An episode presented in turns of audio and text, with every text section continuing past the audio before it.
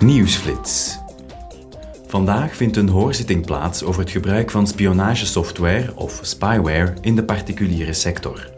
De zitting wordt georganiseerd door de enquêtecommissie PEGA, die het gebruik van Pegasus en soortgelijke spyware onderzoekt.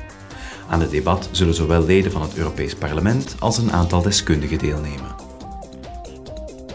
Vandaag verwelkomt de parlementaire Commissie Economische en Monetaire Zaken de heer Fabio Panetta. Hij is directielid van de Europese Centrale Bank en voorzitter van de taakgroep Digitaal Centrale Bankgeld. De heer Panetta zal de commissieleden informeren over de vooruitgang die is geboekt wat betreft de digitale euro.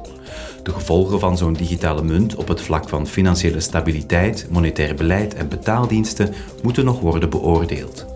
Daarnaast zijn er nog andere belangrijke elementen om rekening mee te houden, zoals privacy en maatregelen om witwassen en belastingontduiking tegen te gaan.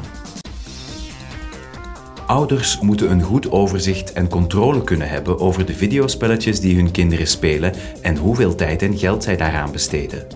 Het Europees Parlement heeft er vorige week op aangedrongen uniforme regels aan te nemen om dat mogelijk te maken. De parlementsleden vinden dat gamers recht hebben op betere bescherming tegen manipulatieve praktijken en verslaving. Spelletjes voor kinderen moeten bovendien rekening houden met de leeftijd, rechten en kwetsbaarheden van de spelers.